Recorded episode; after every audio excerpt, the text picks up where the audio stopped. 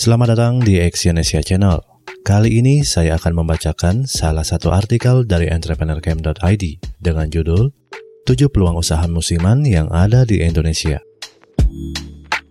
Usaha musiman adalah usaha yang cuma dijalankan pada periode tertentu.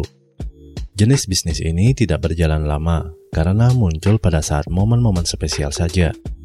Terkadang juga muncul secara tiba-tiba dan langsung booming, tapi hanya bertahan sebentar karena pasar yang cepat merasa jenuh.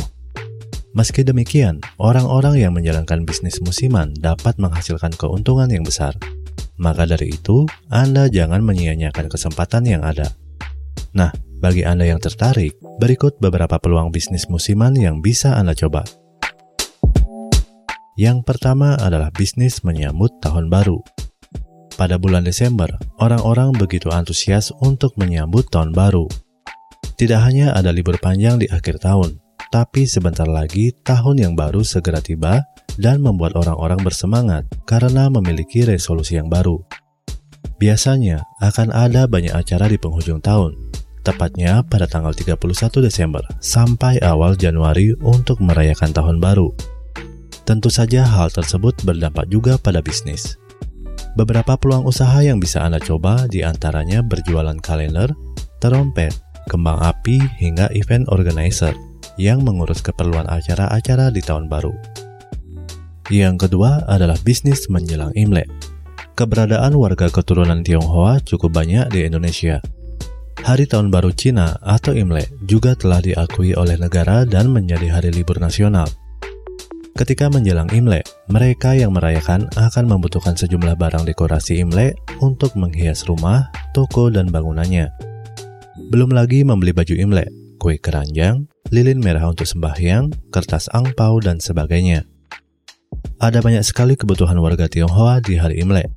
Anda boleh coba berjualan barang-barang yang dibutuhkan mereka, karena permintaannya sangat besar dan menguntungkan. Yang ketiga adalah bisnis di hari raya keagamaan. Ada sejumlah hari besar keagamaan di Indonesia.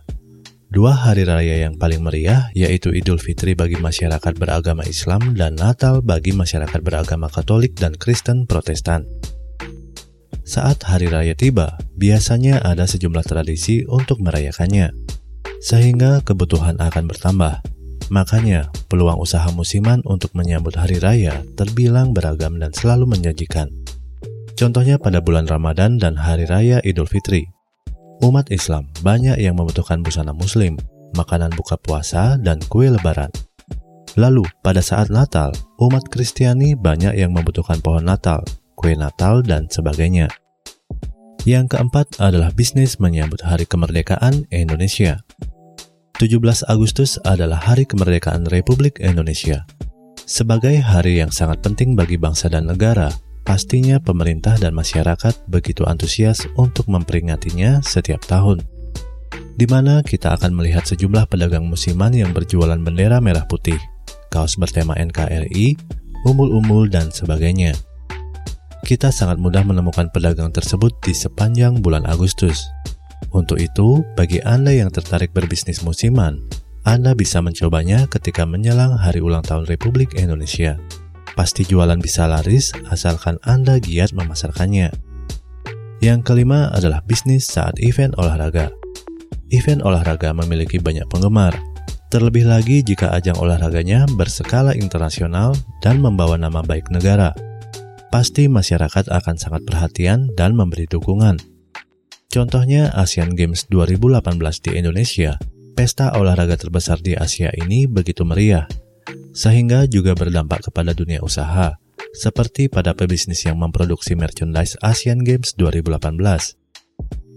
Antusiasme masyarakat tidak hanya untuk menonton pertandingan, tapi banyak juga yang membeli merchandise-nya, seperti kaos, boneka, topi, gantungan kunci, dan sebagainya.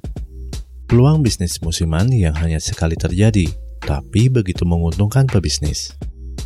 Yang keenam adalah bisnis di tahun politik.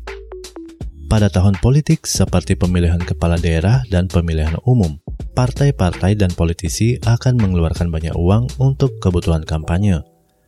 Memang kebutuhannya hanya di tahun politik, tapi pebisnis bisa mendapatkan rezeki yang melimpah karena banyaknya pesanan dari mereka yang berkampanye.